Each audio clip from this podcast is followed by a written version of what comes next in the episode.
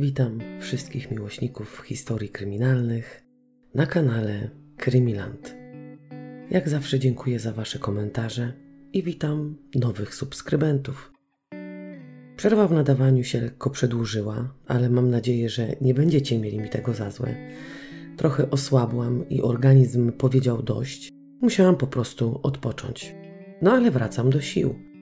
I mam dziś dla Was sprawę, którą chciałam już dawno przedstawić, ale rozgrzebałam ją jak wiele innych i musiała chyba swoje odleżeć. Teraz chyba przyszedł na nią odpowiedni czas, żeby Wam ją po prostu przedstawić. Zanim zacznę, chciałabym Was jeszcze poprosić o wsparcie dla Dawida Nowickiego. Chłopak zbiera na rehabilitację i jeśli ktoś z Was chciałby go wesprzeć, to link do zbiórki znajdziecie jak zawsze pod filmem. A teraz zapraszam serdecznie na następny odcinek serii Historie kryminalne z niemieckich landów.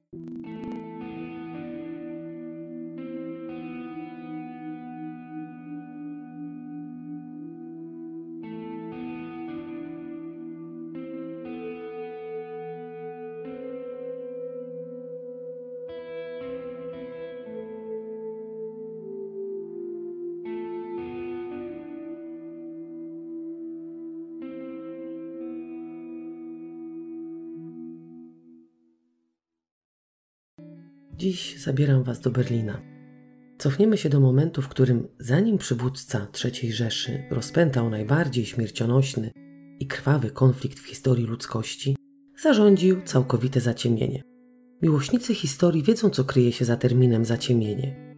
A dla tych, którzy historią interesują się od święta, bo przecież nie każdy musi lubić historię, wyjaśniam, że nie tylko oczywiście w Niemczech, ale w wielu krajach wyłączono oświetlenie ulic, dróg, parków, obiektów kolejowych, portowych i wszelkiego rodzaju nieruchomości.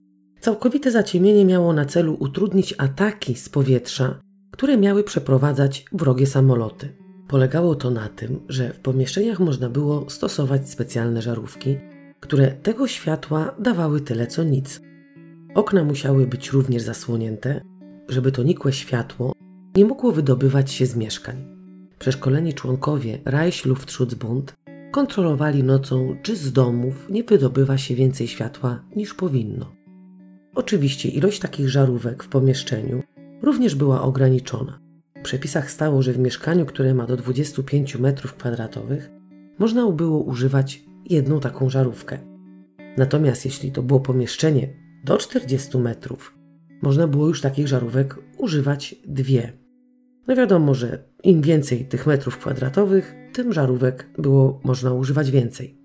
Ludzie musieli uważać, żeby żadne światło nie wydostawało się na płaszczyznę poziomą, bo byłaby ona po prostu widoczna, a do tego nie można było dopuścić. Jeśli zdarzało się tak, że podczas tej wizyty kontrolnej, którą przeprowadzali ci specjalni przeszkoleni ludzie, uznano, że dany budynek nie jest odpowiednio zaciemiony, zawieszano na nim odpowiednią informację, taką jakby ulotkę informującą, że światło z tego budynku jest widoczne dla wroga. Ulotka była zdejmowana dopiero wówczas, gdy mieszkańcy zastosowali się do ogólnie panujących zaleceń.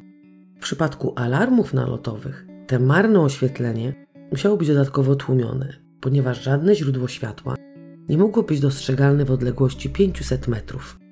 Reflektory aut, lokomotyw, tramwajów, autobusów i światła rowerowe również były zaciemniane musiały być wyposażone w tak zwane szczelinowe ekrany.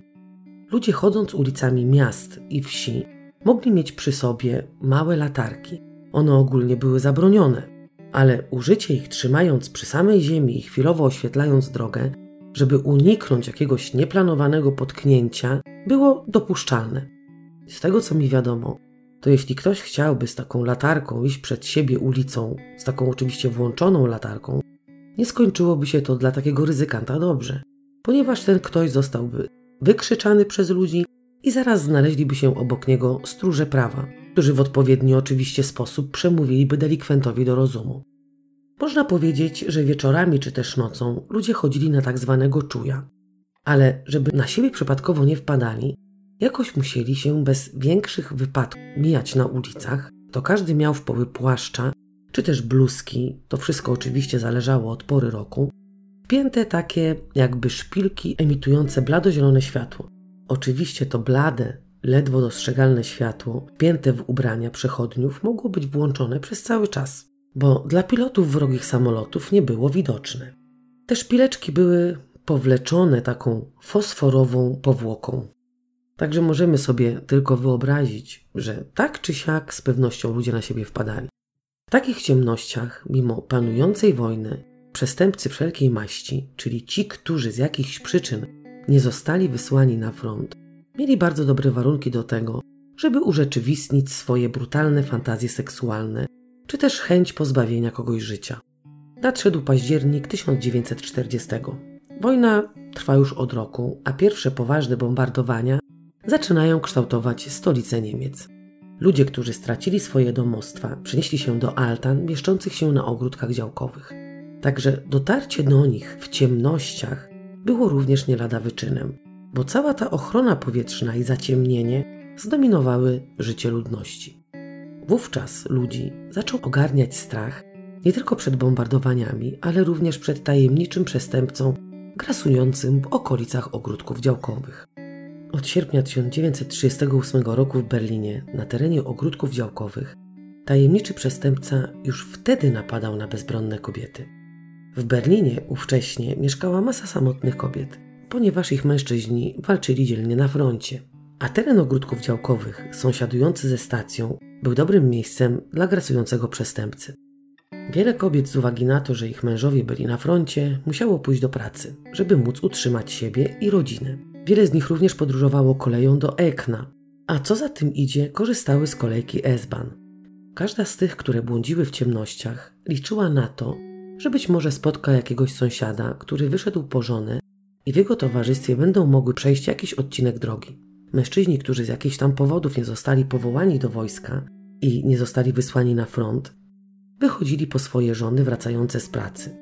W związku z czym była zawsze możliwość przyłączyć się do jednego z takich sąsiadów.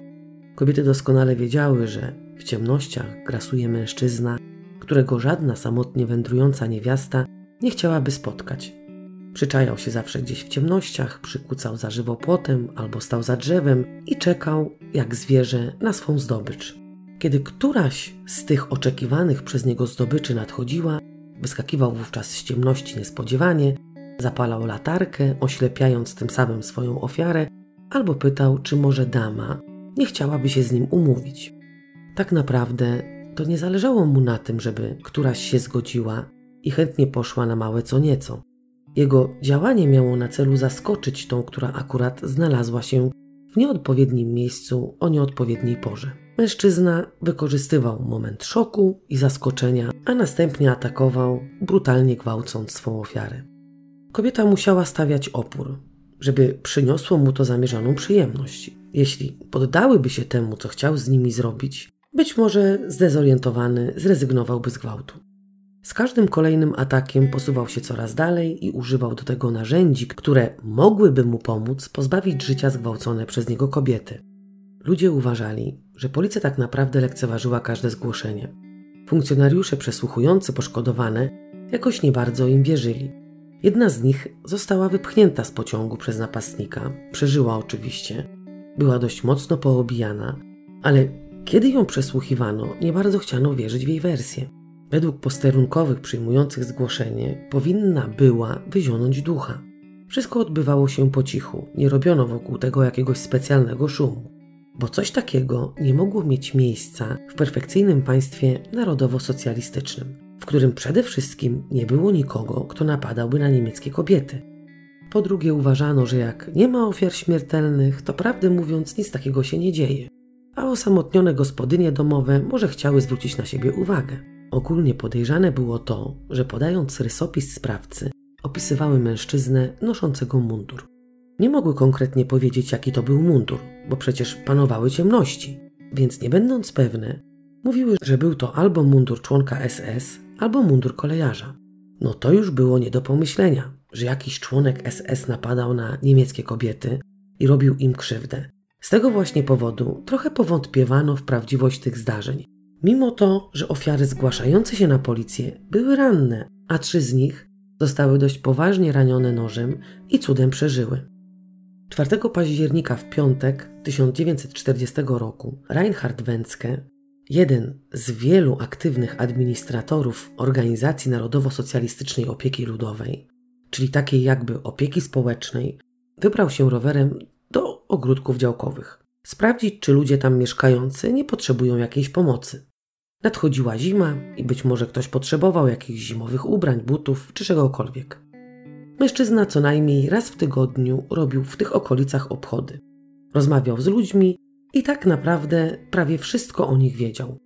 Kiedy miał już wracać około godziny 12.25, postanowił jeszcze zajrzeć do altany, w której mieszkała Gerda Dita.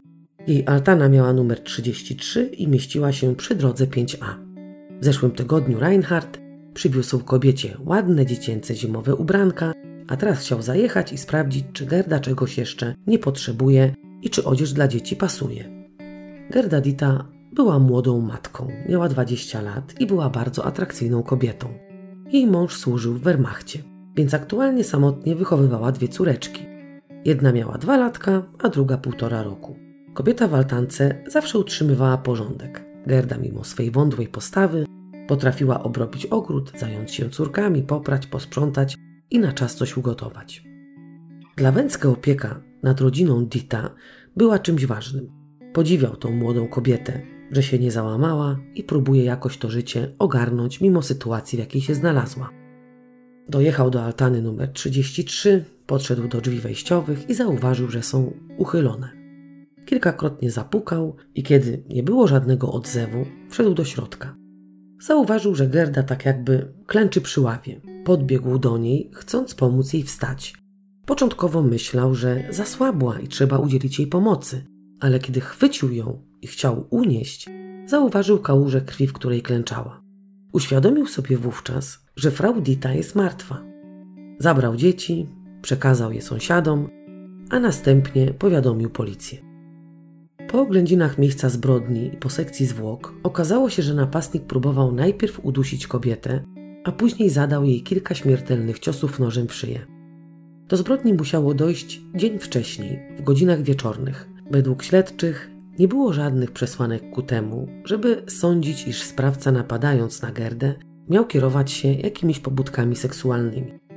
Główny śledczy Lütke dopiero wtedy dowiedział się o tym, że od lata 1938 roku na terenie ogródków działkowych dochodziło do częstych ataków na kobiety, że były innymi brutalnie gwałcone i wypychane z jadącego pociągu. Z zeznań wychodziło na to, że początkowo wszystko wyglądało niegroźnie. Sprawca proponował kobietom seks, ale kiedy te się nie godziły, to odchodził. Później zaczynał je atakować, następnie gwałcić, brutalnie bić, aż doszło do pierwszego morderstwa. Dopiero kiedy pojawiła się pierwsza ofiara śmiertelna, postanowiono tak naprawdę nagłośnić sprawę i dać wzmiankę w codziennej prasie. Liczono na to, że być może dzięki temu znalazłby się jakiś świadek, który mógłby podać więcej szczegółów, ponieważ na miejscu zbrodni nie znaleziono żadnych śladów ani tym bardziej narzędzia. Według Lütke sprawca został spłoszony i szybko opuścił miejsce zbrodni. Z uwagi na to, że Gerda miała dość starannie ułożone włosy, podejrzewano, że albo planowała wyjść wieczorem, albo czekała być może na kochanka. Śledczy, przeglądając akta, czytając zeznania napadniętych kobiet, doszli do wniosku, że sprawców jest dwóch, że jeden z nich dokonuje napadów, a zupełnie kto inny zamordował Gerdę. W prasie nie napisano zbyt wiele na temat morderstwa. Podano również krótką informację o tym, że dochodzi do napaści na kobiety. O samym sprawcy nic nie można było powiedzieć, jak tylko to, że nosi mundur. Dodatkowo wystawiono nagrodę w wysokości tysiąca marek, żeby zachęcić ludzi do mówienia. 4 grudnia 1940 roku, około godziny pierwszej w nocy, wezwano śledczych na stację kolejową Karlsorst. To właśnie tam, tuż za stacją w kierunku Ostkreuz, na torze kolejki S-Bahn znaleziono ciało 26-letniej pielęgniarki Elfriede Franke. Obok ciała leżały porozrzucane rzeczy należące do ofiary, więc od razu wykluczono motyw rabunkowy. Na miejscu pojawił się również kierownik Berlińskiego Instytutu Medycyny Sądowej i oznajmił, że kobieta ma roztrzaskaną czaszkę. Według mężczyzny zmarła około godziny 22 3 grudnia. Nie można było jednoznacznie ustalić, czy zmarła od uderzenia tępym narzędziem w głowę, czy też z powodu upadku z jadącego pociągu. Okazało się również, że kilka miesięcy wcześniej na policję zgłosiły się dwie kobiety: 20 września Gerda Kargol i 4 listopada Elizabeth Bendorf, które twierdziły, że zostały napadnięte w kolejce S-Bahn i wypchnięte z jadącego pociągu. Obie oczywiście przeżyły, co wówczas spisującym zeznania wydawało się wręcz niewiarygodne, bo powinny zginąć na miejscu od upadku. Teraz jednak dopiero zauważono, że w tych trzech przypadkach mógł działać jeden sprawca, ponieważ obrażenia były podobne. Jednak nadal nie sądzono, że motywem napaści było tło seksualne. Ubranie pielęgniarki było nienaruszone. Dwie kobiety, które przeżyły upadek z jadącego pociągu, również miały odzież w porządku. Jedynie po ich zeznaniach można było sądzić, że sprawca próbował je zgwałcić. Ale oczywiście tak samo mogło być w przypadku 26-letniej pielęgniarki. Gwałt się nie udał, a kobieta, tak jak jej poprzedniczki, została wypchnięta z jadącej kolejki S-Bahn. Po dokonaniu oględzin, kiedy już śledczy zbierali się na posterunek w celu spisania raportów, poinformowano ich, że po drugiej stronie nasypu kolejowego leży następna, nieprzytomna kobieta. Śledczy udali się natychmiast na miejsce. Ofiarą była 19-letnia Irmgard Frese, znaleziona przez przechodniów. Przytomność straciła z powodu silnych obrażeń czaszki, jednak życie jeszcze się w niej tliło i została przewieziona do szpitala. Irmgard nie została wypchnięta z pociągu, tylko zaatakowana na ulicy i zgwałcona. Śledczy liczyli na to, że ofiara w szpitalu odzyska przytomność, ale niestety dziewczyna po kilku godzinach umiera. Prawdę mówiąc, prowadzący dochodzenie nie mieli nic, co mogłoby ich naprowadzić na sprawcę. Żadnego konkretnego tropu, nie mieli również żadnych śladów, żadnego narzędzia zbrodni, kompletnie nic. Poza tym uznano, że te dwa ostatnie przypadki to działanie dwóch różnych sprawców. 26-letnia pielęgniarka została zaatakowana w pociągu. Sprawca roztrzaskał jej czaszkę tępym narzędziem i wypchnął z jadącego pociągu. Natomiast 19-letnia Irmgard również miała roztrzaskaną czaszkę, ale została wykorzystana seksualnie. Ten, który zgwałcił dziewiętnastolatkę, mógł przeczytać w gazecie, że w Berlinie grasuje żonny krwi sprawca, mógł uznać to za okazję i puścić wodze fantazji seksualnej. Czuł się bezpiecznie, ponieważ wiedział, że śledczy wezmą to za działanie jednego i tego samego przestępcy. Skupiono się zatem na zeznaniach dwóch kobiet, które przeżyły jak już wcześniej wspomniałam, obie zeznały, że, że mężczyzna, który wypchnął je z pociągu, nosił na sobie mundur. Oczywiście konkretnie nie wiedziano, czy jest to mundur kolejarza, czy być może mundur członka SS. Ale przy jednej z tych kobiet, które przeżyły, znaleziono ołowiany kabel, który był używany na kolei. Poddano kabel ekspertyzie i nie można było wykluczyć, że jest to właśnie narzędzie zbrodni. Czyli mogli poniekąd wykluczyć umundurowanego SS-mana, i skupić się na kolejarzach, jednak taki kabel mógł trafić w ręce każdego. Niekoniecznie mógł to być pracownik kolei. Kobiety w ciemnościach mogły nie widzieć dobrze i mogło im się coś oczywiście pomylić, ale z uwagi na to, że uparcie stały przy tym, iż sprawca miał na sobie mundur, śledczy rzeczywiście uznali, że musi to być jeden z pracowników kolei. 22 grudnia, czyli 18 dni po znalezieniu 19-letniej Irmgard, między szynami przewodowymi znaleziono martwą 30-letnią Elizabeth Büngena. Początkowo podejrzewano samobójstwo, ponieważ znaleziono w kieszeni jej płaszcza zaświadczenie o depresji psychicznej. Ale kiedy 30 metrów dalej znaleziono jej torebkę, siatkę z zakupami i papierosy, uznano, że było to morderstwo. Kobieta, tak jak jej poprzedniczki, miała roztrzaskaną czaszkę i została wypchnięta z jadącego pociągu. Sam ołowiany Campbell nie naprowadził śledczych na sprawcę. Sama świadomość tego, że to pracownik kolei mógł dokonać tych zbrodni, też śledczym nie pomogła. Przejrzeli rejestry wszystkich skazanych i nie było nigdy między nimi żadnego kolejarza. Funkcjonariusze byli bezradni. Siedem dni po odnalezieniu 30-letniej Elizabeth, czyli 29 grudnia w niedzielę, w okolicach Torów, znaleziono martwą 46-letnią pracownicę poczty Gertrud Sievert. Ciało kobiety leżało na nasypie między stacjami Rummelsburg i Karlsorst. Elizabeth, tak jak jej poprzedniczki, miała roztrzaskaną czaszkę. Oczywiście nadal nie podejrzewano motywu seksualnego ani rabunkowego. Uważano, że zbrodnie dokonane zostały z zemsty, zazdrości albo być może z nudów. Kompletnie nie mieli pojęcia, kto jest sprawcą i jak go złapać. Ślęcząc nad aktami, doszli do wniosku, że od półtora roku w wydziale zajmowano się ponad 30 przestępstwami na tle seksualnym. Początkowo, jak już wspomniałam, sprawca działał nieporadnie. Oślepiał ofiary latarką, czy też zaskakiwał je, przemawiając do nich w ciemności, proponując im seks. Początkowo również, kiedy te odmawiały, nic im nie robił. Później jednak posuwał się dalej i był coraz bardziej brutalny. W związku z tym uznano, że na tym terenie działał tylko jeden sprawca i wszystkie dotychczasowe zbrodnie miały motyw seksualny. W związku z tym dwie kobiety, które przeżyły, musiały przejrzeć ponad 5 tysięcy dowodów osobistych należących ich pracowników kolei w Berlinie. Chodzi tu oczywiście o zdjęcia znajdujące się w tych dokumentach tożsamości. Nie rozpoznały sprawcy na żadnym z nich. Do tego obie bardzo ogólnikowo wypowiadały się na temat wyglądu tego, który ich zaatakował. Mówiły, że ma podłużną twarz i do tego pomarszczoną. Zidentyfikowanie sprawcy było trudne, ponieważ w ciemnościach i pod wpływem wielkiego stresu ciężko było dostrzec twarz tego, który atakuje. Ciężko było zapamiętać jakieś znaki szczególne czy też rysy twarzy. Po drugie, zdjęcia znajdujące się w dowodach osobistych również nie były jakiejś ekstra jakości. Do tego były częściowo zakryte pieczątką urzędową. Z niektórymi zdjęciami śledczy udawali się na teren ogródków działkowych, mając nadzieję, że któraś z kobiet rozpozna sprawcę. Za każdym razem odpowiedź była przecząca. Pojechali do zajezdni, rozmawiali z każdym pracownikiem kolei, którego spotkali na służbie. Wszyscy oczywiście wiedzieli o co chodzi, ale nikt nie był w stanie pomóc policji. Część z tych pracowników odpowiadała wprost, że nie chcą być donosicielami. Obszar kolejowy, na którym dokonywano tych wszystkich zbrodni, został obstawiony przez policję. To wyglądało mniej więcej jak oblężona forteca. Koniecznie chciano złapać mordercę. Wysyłano wabiki, czyli kobiety, które pracowały na policji.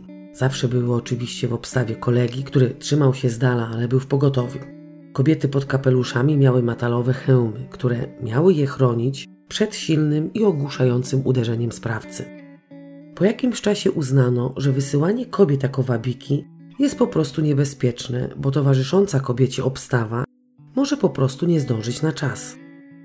Wszystkie te działania policji spowodowały dłuższe przerwy między jednym morderstwem a drugim. Śledczy myśleli, że przegonili sprawcę. Jednak radość z powodu niepojawiających się ofiar śmiertelnych nie trwała długo. 5 stycznia 1941 roku około godziny 6.20 w pobliżu stacji Wülheide między szynami znaleziono 41-letnią nieprzytomną Hedwig Ibała. Kobieta była w szóstym miesiącu ciąży i jeszcze żyła. Sprawca był przekonany, że ją udusił. Jednak po przewiezieniu do szpitala, po kilku godzinach z powodu odniesionych obrażeń spowodowanych upadkiem, kobieta zmarła. 7 stycznia 1941 roku we wtorek umieszczono w gazecie codziennej apel i poinformowano mieszkańców, że w kolejce miejskiej grasuje morderca, który wcześniej atakował kobiety na ogródkach działkowych. Podano również taki opisowy rysopis domniemanego sprawcy. Wzrost od 1,60 m do 1,65 m, średnio silna sylwetka, opadające ramiona, głowa pochylona do przodu, przygarbiony chód. Sprawca w momencie dokonywania zbrodni miał na sobie ciemny płaszcz szeregowy, taki jak ten używany na kolei, i kolejową czapkę ściągniętą na tył głowy. W apelu poproszono obywateli Berlina, że jeśli dokonali jakichkolwiek obserwacji jeżdżąc S-banem, czy też jeśli znają sprawcę, powinni to niezwłocznie zgłosić policji. Co jeszcze mogli zrobić śledczy z policji kryminalnej? Wysłać swojego człowieka do pracy na kolej w Rummelsburgu. Tak jak zaplanowali, tak zrobili. Wysłali posterunkowego, który miał jako takie pojęcie o elektryce i jakichś drobnych naprawach. Mężczyzna skrupulatnie zapisywał wszystkie uwagi na temat pracowników, z którymi miał styczność i którzy mogliby być podejrzani w sprawie. To również nic nie dało, nie złapano sprawcy. W końcu w wielkiej desperacji postanowiono przebrać policjantów za kobiety i wysłać ich do pociągu. Wszystko musiało się odbywać między godziną 21 a 4 nad ranem. Rezultat był oczywiście niezadowalający. nie schwytano sprawcy. W końcu NSDAP prosi wszystkich członków partii, jak i samotnych mężczyzn, żeby towarzyszyli samotnym kobietom przez całą noc. 12 lutego 1941 roku, 7 dni po znalezieniu ostatniej ofiary, około godziny 22, na torze kolejowym znaleziono 39-letnią Joannę Voigt. Kobieta miała, tak jak inne ofiary, rozczaskaną czaszkę, osierociła dwójkę dzieci i była w trzecim miesiącu ciąży.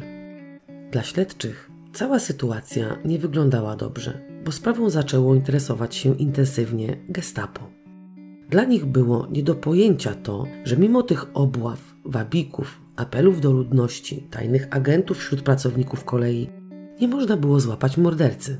To wyglądało tak, jakby sprawca świetnie się bawił i pod nosem policji mordował kobiety.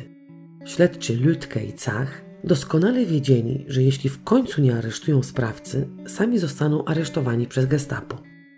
Tym razem wystawiono nagrodę w wysokości 13 tysięcy marek. Nagroda miała być dla tego, który wskaże sprawcę, albo udzieli wskazówek, które mogłyby pomóc policji ująć sprawcę. Stacje kolejowe nadal były obstawiane przez policję przez całą dobę. Funkcjonariusze byli wszędzie, w wagonach, na peronach, spacerowali wzdłuż torów, na nasypach i gdzie tylko się dało ich postawić, tam po prostu byli.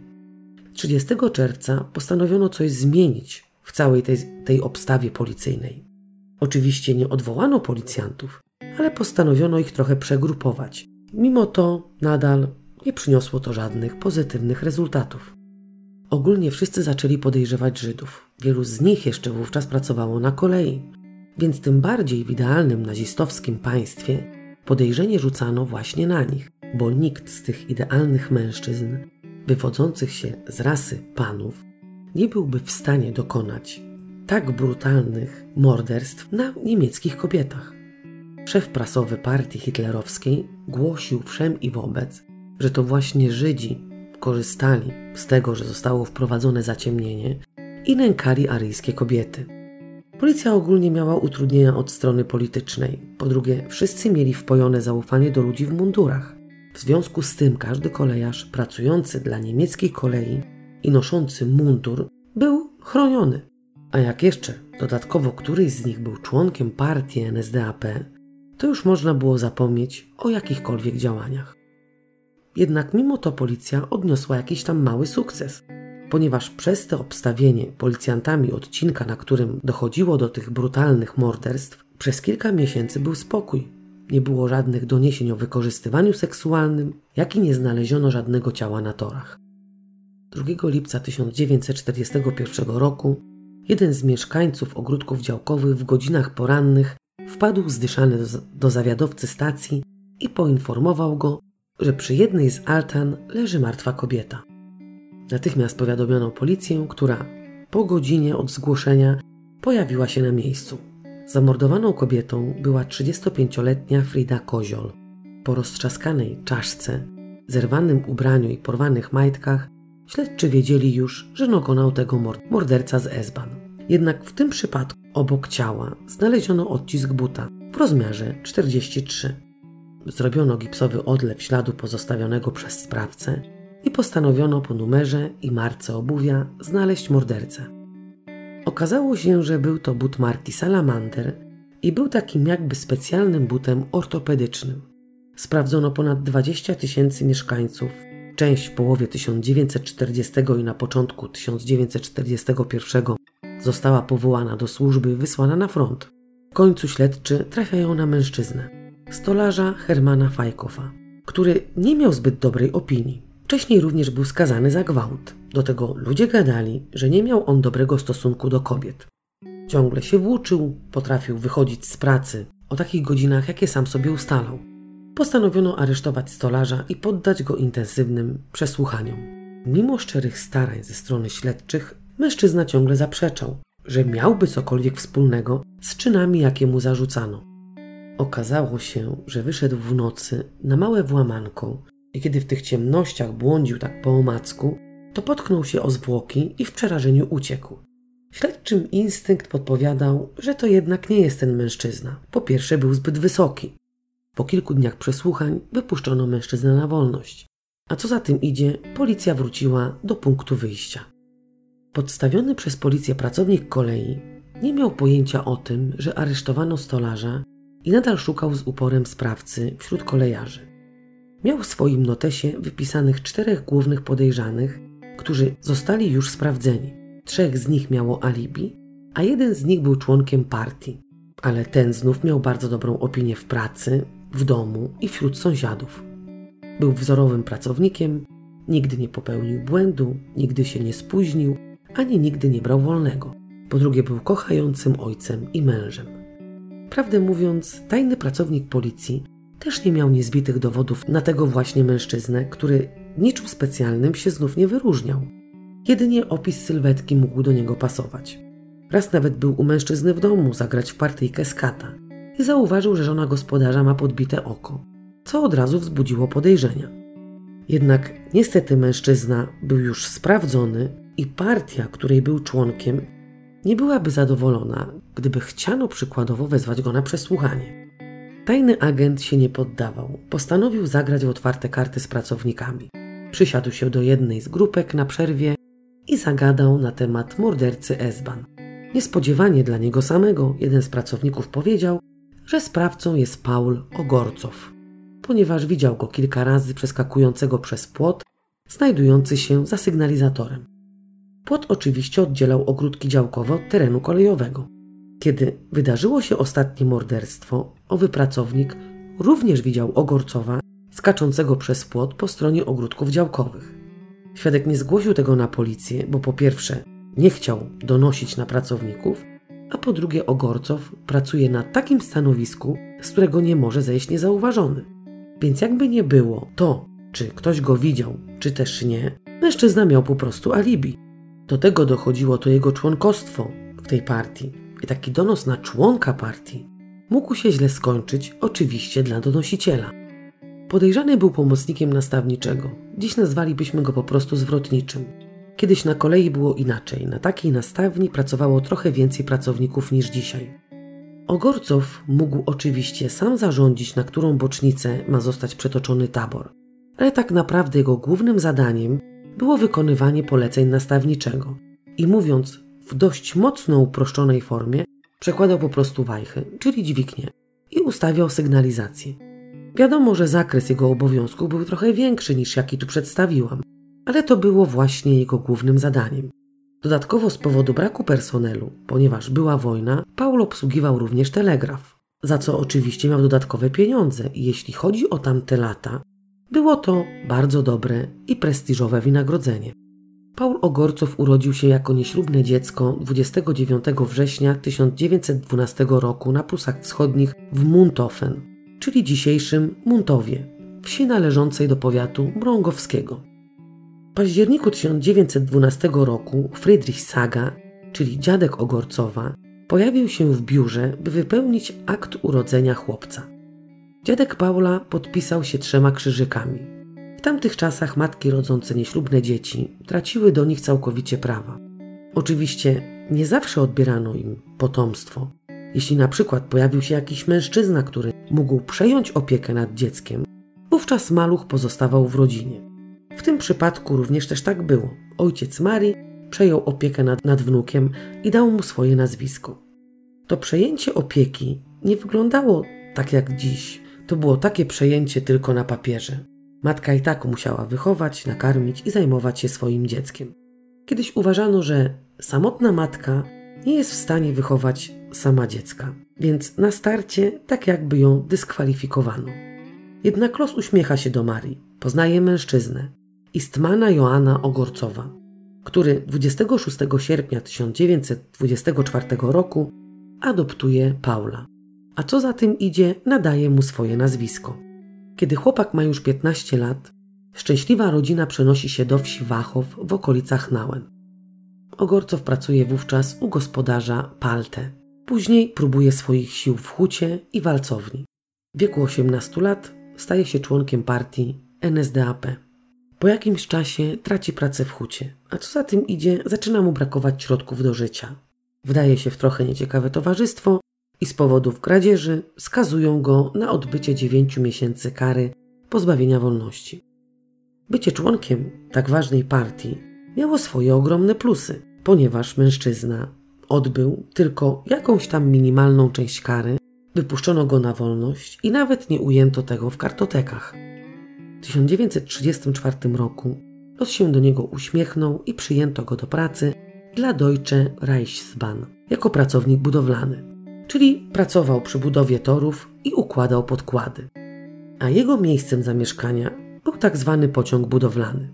Gdy te budowlane pociągi zostały zlikwidowane, wszystkich pracowników skierowano do tych, którzy mieli tytuł mistrza kolejowego.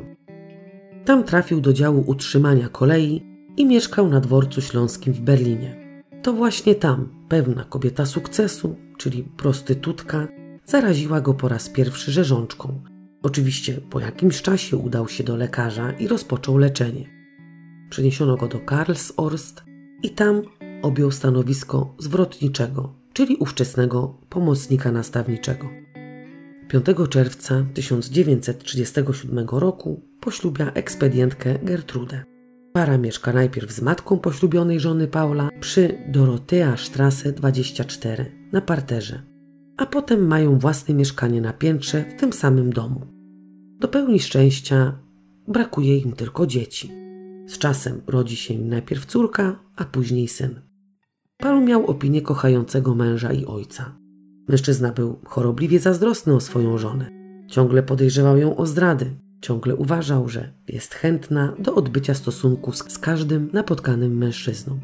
Także to podbite oko, które było powodem wielu plotek i niby rezultatem wypadku rowerowego, mogło być również robotą męża Gertrud. Jego nazwisko co rusz pojawiało się wśród podejrzanych. Jednak z powodu jego członkostwa w partii, jak i tego, że jako pracownik i głowa rodziny miał wręcz nieskazitelną opinię, wykluczano go za każdym razem. Ponieważ członkowie partyjni nawet nie pozwoliliby nikomu myśleć, że wśród nich jest seryjny morderca. Poza tym Ogorcow dochrapał się jakiegoś tam stopnia w tej partii i można powiedzieć, że był taką małą szychą. Ale kiedy podstawiony przez policję człowiek natychmiast poinformował przełożonych o tym, że widziano Ogorcowa jak przeskakiwał przez płot i udał się w kierunku ogródków działkowych, bez większego przekonania postanowiono go aresztować i przesłuchać. Policja w tym czasie przeszukiwała jego dom. Niczego konkretnego nie znaleziono, ale zabrano jego mundur i płaszcz do badań, po to, żeby sprawdzić, czy nie ma na nich śladów krwi ofiar. Znaleziono to, czego szukali i skonfrontowano Ogorcowa z tym faktem. Ten natomiast oznajmił, że żona chorowała, krwawiła z nosa, a on się nią opiekował i stąd te plamy.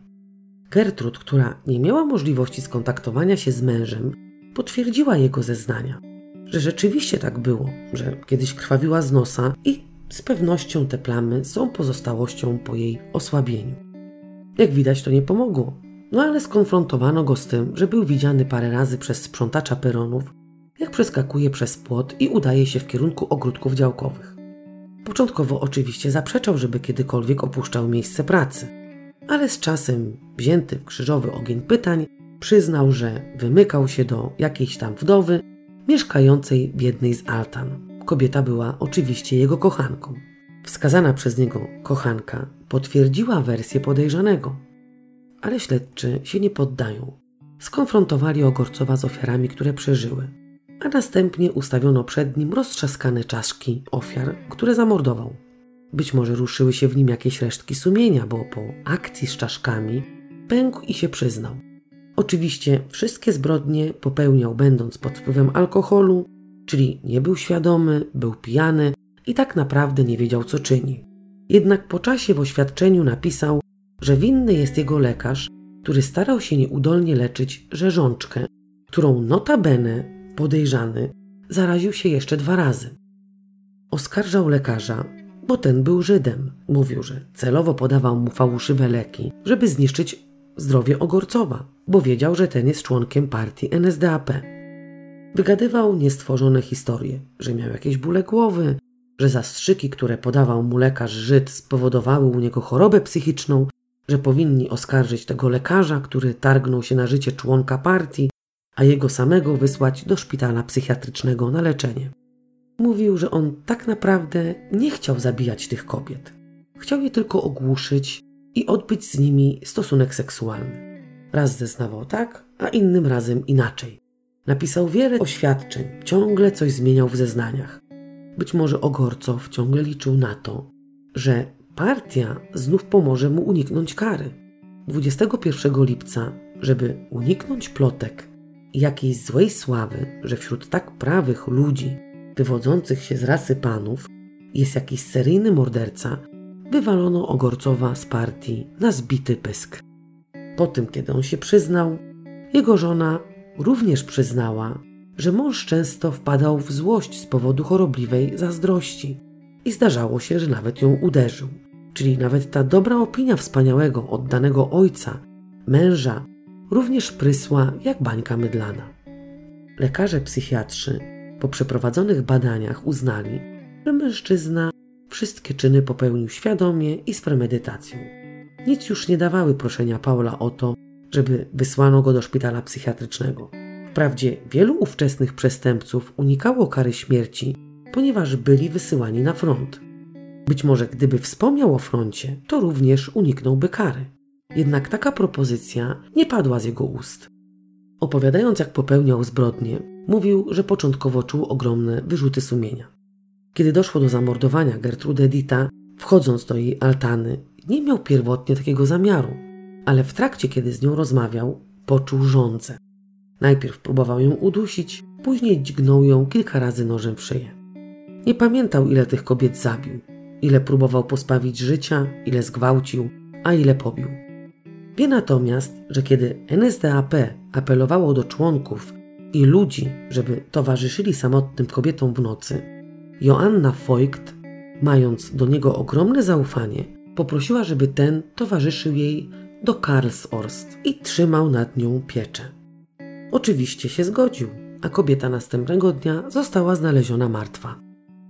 24 lipca 1941 roku, po 12 dniach rozprawy, sąd specjalny skazał Ogorcowa za zamordowanie ośmiu kobiet, usiłowanie zabójstwa w sześciu przypadkach i dopuszczenie się gwałtu na ponad 32 kobietach na karę śmierci. Dla perfekcyjnego, narodowo-socjalistycznego państwa był zarazą i kimś, kogo trzeba było się pozbyć. W takich przypadkach często również pozbywano się potomków sprawcy i całej rodziny. Szukałam informacji na temat dzieci i żony Ogorcowa, ale niestety nie znalazłam nic. 25 lipca 1941 roku wykonano wyrok i za pomocą gilotyny ścięto mężczyźnie głowę. Doszliśmy do końca tej historii. Jestem ciekawa, co o niej sądzicie.